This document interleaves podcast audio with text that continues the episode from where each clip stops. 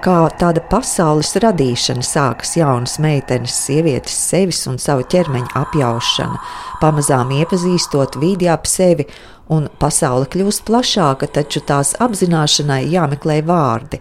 Pasaule paveras vēl plašāka, kad viņas vīrs Viljams aizsūta jauno sievu pie dzirnavnieka. Jaunā sieva, Ponijs Viljams un Gilberts Horns, jeb sieviete, arājs un dzirnavnieks, ir trīs cilvēki, trīs lugas personāži, kuru daba, instinkti un jūtas ved līdz skatītāju. Arājs, tīrums, tālais lauks, no kura nav iespējams atgriezties. Es neesmu tīrums. Kā es varu būt tīrums? Kāds ir tīrums? Līdzens, mitrs. Melns no lietus, es neesmu tīrums. Es neko tādu neteicu. Sieviete, Tu teici, es te sēžu kā tīrums. es teicu, kā tīrums. Un tu teici, ka es te sēžu kā tīrums. Teicu, kā tīrums. Kā tīrums. Tas ir tas pats. Negluži, sieviete. Es esmu kā tīrums, man ir jābūt tīrumam. Tūlīt pēc pirmizrādes uzklausa aktierus Agnesi Budovsku, Gundaru Grasbergu un Ivaru Kļavīnski, ar ko viņus aizrāvis darbs pie iestudējuma. Paliks ar eh, šiem burvīgajiem kolēģiem. Šādā kompānijā mēs tā sirsnīgi nebijām strādājuši. Bet eh, pats darbs jau ir eh, ļoti izrādās nu, ar bagātiem slāņiem, kuriem mēs tā lēnām tikām klāt. Es ceru, ka tikām ar Agnēs palīdzību ķērās pie tulkošanas, lai mēs tiktu pie tā oriģināla teksta. Jo nu, izrādās, ka daudz kur tulkojumos bija daudz kas aizķēries un pazudis. Un mēs dabūjām pacīnīties beigās, lai tiktu pie tā, ko autors ir gribējis pateikt. Un tur ir ārkārtīgi daudz slāņu. Inga ir mēģinājusi poetiskā veidā to uz skatuves tulkot, bet nu, arī tajā, kas jāspēlē. Visā tajā procesā ārkārtīgi svarīgi bija arī tā, nu, ne tikai tas, ka mums tas superīgais kolēģi kopdarbs, bet uh, režisors atvērtība uz mūsu idejām. Viņa bija ārkārtīgi atvērta un tam ir ļoti liela nozīme šādos darbos. Tā kā, tā, tas bija ļoti drosmīgi no viņas puses ļauties mums. Un uh, tad līdz ar to arī varēja tā nu, brīvi, brīvi un radoši strādāt. Tas bija forši. Jo, manuprāt, ne tikai vārds šeit ir svarīgs, bet arī jūsu ķermeņa, jūsu sejas izteiksmes, mīmikas. Nu, tur tā lieta, ka šis bija gadījums, kad nevarēja ar savu, ar savu nu, ierasto stāvokli un ierasto seju tikt galā ar šo. Tur vajadzēja bišķi pacīnīties uz, uz kaut kādiem aizlaikiem. Palielam jau no tā lūga ir tāda, Gunārs jau teica, ļoti daudznozīmīga, bet kas ir ļoti, ļoti interesanti. Viņā, viņā ir faktiski maz to vārdu. Ir aprauti teikumi. Un tas grūtākais un sarežģītākais tajā visā ir saprast, kas tur ir apakšā. Tā doma mums ir pasakot vienu vārdu vai vienu aprautu teikumu, un tur ir rakstīts gara pauze. Un viņš ir daudznozīmīgs un nu izdomā, kas tajā pauzē tur ir. Un pie vis tā. Tie ir vismaz šī familija, ir cilvēki, ne tie dziļākie un intelektuālākie, bet ar nu, savu pārliecību, savu, savu domāšanu. Jā, jo arī dzirnavnieks, nu, viņš jau nav pasaules gudrākais cilvēks, viņš ir mazliet izglītotāks, bet tajā pašā ciemā viņš dzīvo. Tāpēc jau arī tur Olgā pavērās, ka viņš vienā brīdī saprot, ka viņš vēl neko nesaprot. Tad nu, ir kur augt, nav. Tā atšķirība ir neliela. Ja? Tur ir pavisam, nu, teiksim, arājas un viņa jaunā sieva. Tad ir zināms, kurš it kā viņu acīs un visu acīs ļoti izglītots, kas faktiski jau cik nu, viņš tur ir izglītots. Ja? Viņš māca rakstīt. Tā, tā var būt atšķirība no pirts pildspalva. Nu, un sieviete, viņa tomēr, manuprāt, redz vairāk un saskata kaut ko tādu poētisku un skaistu arī tajā aprautajā. Viņa taču ir sieviete. Lūk, arī atbilde. Viņa piedzimstot, viņa jau ir sieviete. Viņa varbūt stulba, bet viņa tā kā ir sieviete jau. Un līdz ar to. Jā. Viņa vienkārši ir par maz vārdu. Viņa nav stulba, viņa ir par maz vārdu. Mēs mēģinājām visādas dažādas versijas. Sākumā mums tā pēdējā versija tapa, man liekas, divas nedēļas pirms izrādes. Kā mēs ar to tiekam galā, tā kaut kā mēs tiekam. Bet nu, tas nebija nekas tāds, kas pirmajā mēģinājumā nāca hei, es darīšu tā. Nē, nē, mēs tiešām ļoti ilgi tā kaut kā nonācām līdz tam. Laikam kaut kam, kas kaut kādā manā pasaules izpratnē saistās ar to, cik cilvēks ir gudrs vai nav. Vai no kādas vidas viņš ir nācis. Nezinu, kaut kas tur. Nu, viss utis un blusas un netīrība un vienlaikus tomēr kaut kāda vēlēšanās.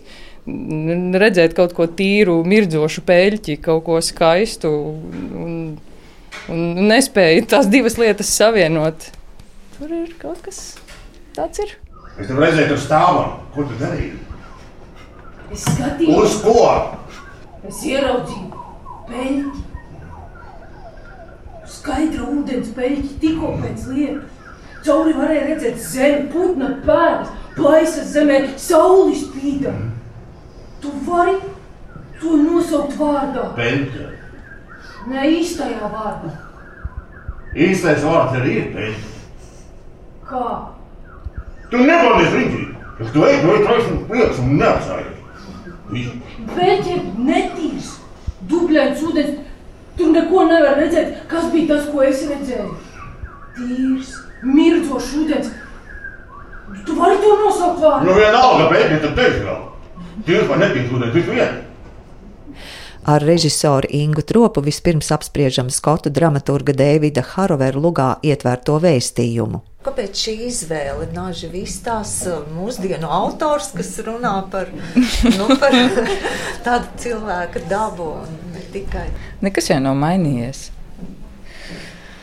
Vienalga, kurš gadsimts, es domāju, ka tās pamatlietas un tie pamata augšanas procesi notiek jebkuros laikos, jebkurā gadsimtā. Arī mūsdienu cilvēkam varbūt apkārt tie mm, tehnoloģija ir attīstījusies un gājusi uz priekšu, un uh, mums nav tikai pildas palvas, bet jau ir uh, visādi citādi aparāti, bet pašā dziļākajā būtībā toties, man liekas, vismazāk mēs joprojām paši sevi saprotam un spējam saprast savu instinktu dabu, ko ar to visu darīt, kā um, apzināties to, ka tas nav arī nekas uh, ļauns vai slikts. Tā, tā, tā, tā, ir enerģija, dabas dot enerģiju, ko ar to darīt, kā tālāk evolucionēt, jeb uh, pieaugt, uh, izaugt, attīstoties arī šajās garīgajās vērtībās. Jā, es domāju, ka gadsimtiem ejot, nekas jau nav mainījies. Šajā ziņā mēs kaut kādā ziņā esam diezgan vāji attīstījušies vēl un turpinam vēl šos jautājumus risināt. Izrādes vizuālais tēls, arī skaņas, mūzika un video projekcijas kopā ar aktieru spēli veido vienotu veselumu. Izrādes scenogrāfe Austra Haugs, video māksliniece ir Ineta Sipunova, gaismu māksliniece Lienīte Slišāne, bet kostīmu māksliniece Evelīna Deičmane Vida. Savu pirmo sarunu ar scenogrāfi ieskicē režisore. Tiekoties un sākot stāstīt to savu uh, režisora vīziju, koncepciju, ko es vēlos pastāstīt, ļoti daudz tika izmantot tādu vārdu kā ala, dzemde, ola un kā tāds. Uh, simbols tam stāvoklim, kur šī jaunā sieva dzīvo, atrodas, kas ir arī viņas tāds pašas radīts kaut kādā ziņā mazā mikropasaulīte, kurā viņa mīt, ko, protams, arī ietekmē ciema sabiedrība, kas arī māca, kā vajag un būt. Un šajā stāstā, kas ir, manuprāt, tāds pieaugšanas stāsts, ja pasaka pieaugušiem par pieaugšanu, maz pa mazām šī jaunā sieva nonākot. Nu, šajā gadījumā tātad, dodoties uz dzirnavām un satiekot dzirnavnieku, kādu outsideri šī ciema, sāk aizvien vairāk pārvērtēt un, un, un izvērtēt to pasauli, kurā viņa līdz šim ir bijusi. Godā ziņā tā ola sāk šķelties, jeb tā ala sāk brukt. Un, uh, dzimšanas process ir sācies, un aizvien vairāk šī mikropasaule kaut kādā ziņā pazūd. Un uh, jaunā sieva nonāk tajā realitātē, kas ir plašāka, varbūt tas uzartais tīrums, kur jāsāk viss atkal no sākuma. Jau citādāk uz lietām skatoties, apziņa ir mainījusies.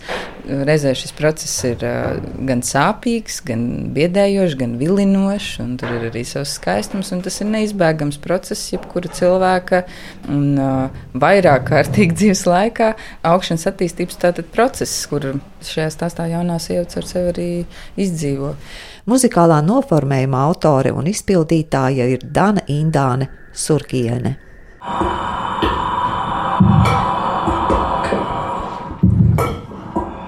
Ja pirmā pasaule vairāk ir tāda, nu, mēs viņu varētu nosaukt šamaniski, mītiski, instinktos arī kaut kādā ziņā balstīta, tad uh, otra pasaule, kurā jaunā sieva nonāk, ir šīs te garīgās zināšanas, mēģinājuma nosaukt lietas vārdos aizvien vairāk un paplašinātāk un precīzāk tāpat laikā.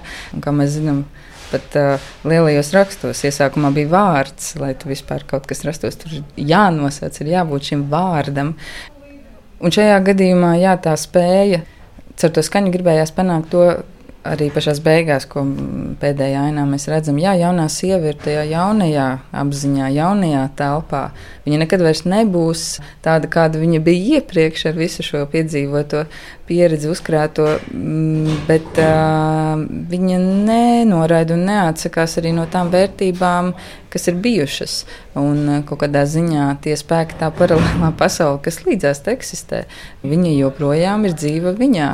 Un, uh, viņa zina, kā izmantot šos resursus. Skotu dramaturga Dēvida Harovera panākumi aizsākās 90. gadu vidū ar Lūgu Nāži Vistās, bet pasaules slavu viņš ieguva pēc Lūgas Melnais strasts iestudējuma Edinburgā. Tā bijusi arī Nacionālā teātra repertuārā ģirta ēča režijā, un arī Nāži Vistās ne pirmo reizi nonāk uz Latvijas teātra skatuves. 2006. gadā Gatis Šmits to iestudēja Dailes teātrī. Bet ko tagad par Lūgu un Lūgas autoru atklājusi Inga Tropa? Bet Lūga ir īpatnēja ar to, ka, ja tā, teikšu tā, varbūt pavirši izlasa šo stāstu, nu, viņš tāds jauks stāsts, attiecību trīstūris, bet tad, kad tu sāc lasīt, ieskatīties šajos aprautajos teikumos, it kā ļoti vienkāršajos kādā ziņā brīžiem arī poētiskajos ļoti pēkšņi saproti, ka tur veras vēl un vēl tādi zemslāņi. Es jūtu, ka tur var vēl vairāk dziļāk aizrakties. Un mēs jau, manuprāt, diezgan dziļi aizrakāmies acīm redzot, kaut kāda dzīves pieredze, viedums, ko es varbūt citā vēl nākotnes laika posmā būtu iegūsis, ja iestudētu, tad tas iegūtu vēl kaut kādu citu dziļumu un citas nianses. Jā, un tas ir pirmkārt labas dramaturģijas pazīme, otrkārt papētot, kā rakstnieks vispār šo darbu ir rakstījis. Tad, nu jau kā tādā mītā var stāstīt, viņš bija, kā nereti ar māksliniekiem ir tajā dzīves posmā, kur uh, bija mēģinājis rakstīt, nu, ne pārāk veiksmīgi, ne arī ļoti neveiksmīgi, bet uh, nonāca līdz tādam krīzes brīdim, kā mākslinieks, domādams, ka labi, visas uzrakstīšu pēdējo lūgu. Ja uh, tai būs kāda panākuma, es turpinu rakstīt, ja nē, tad es daru kādu citu darbu. Un šajā reizē. Viņš esot ļāvies ne tik daudz tādai racionālai struktūrai, bet zemapziņas vadīts rakstījis.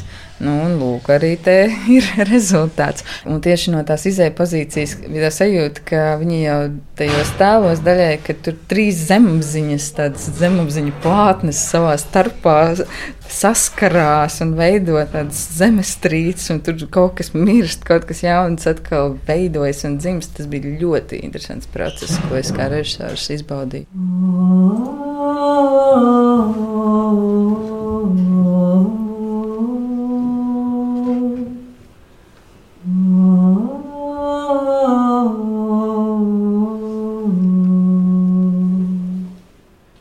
Mīlestības stāsts par meklējumiem, kaisli, par nodevību un vientulību, par spēju atvērties otram un iepazīt jaunu pasauli, tiek izdzīvots Nacionālā teātra aktieru zālē.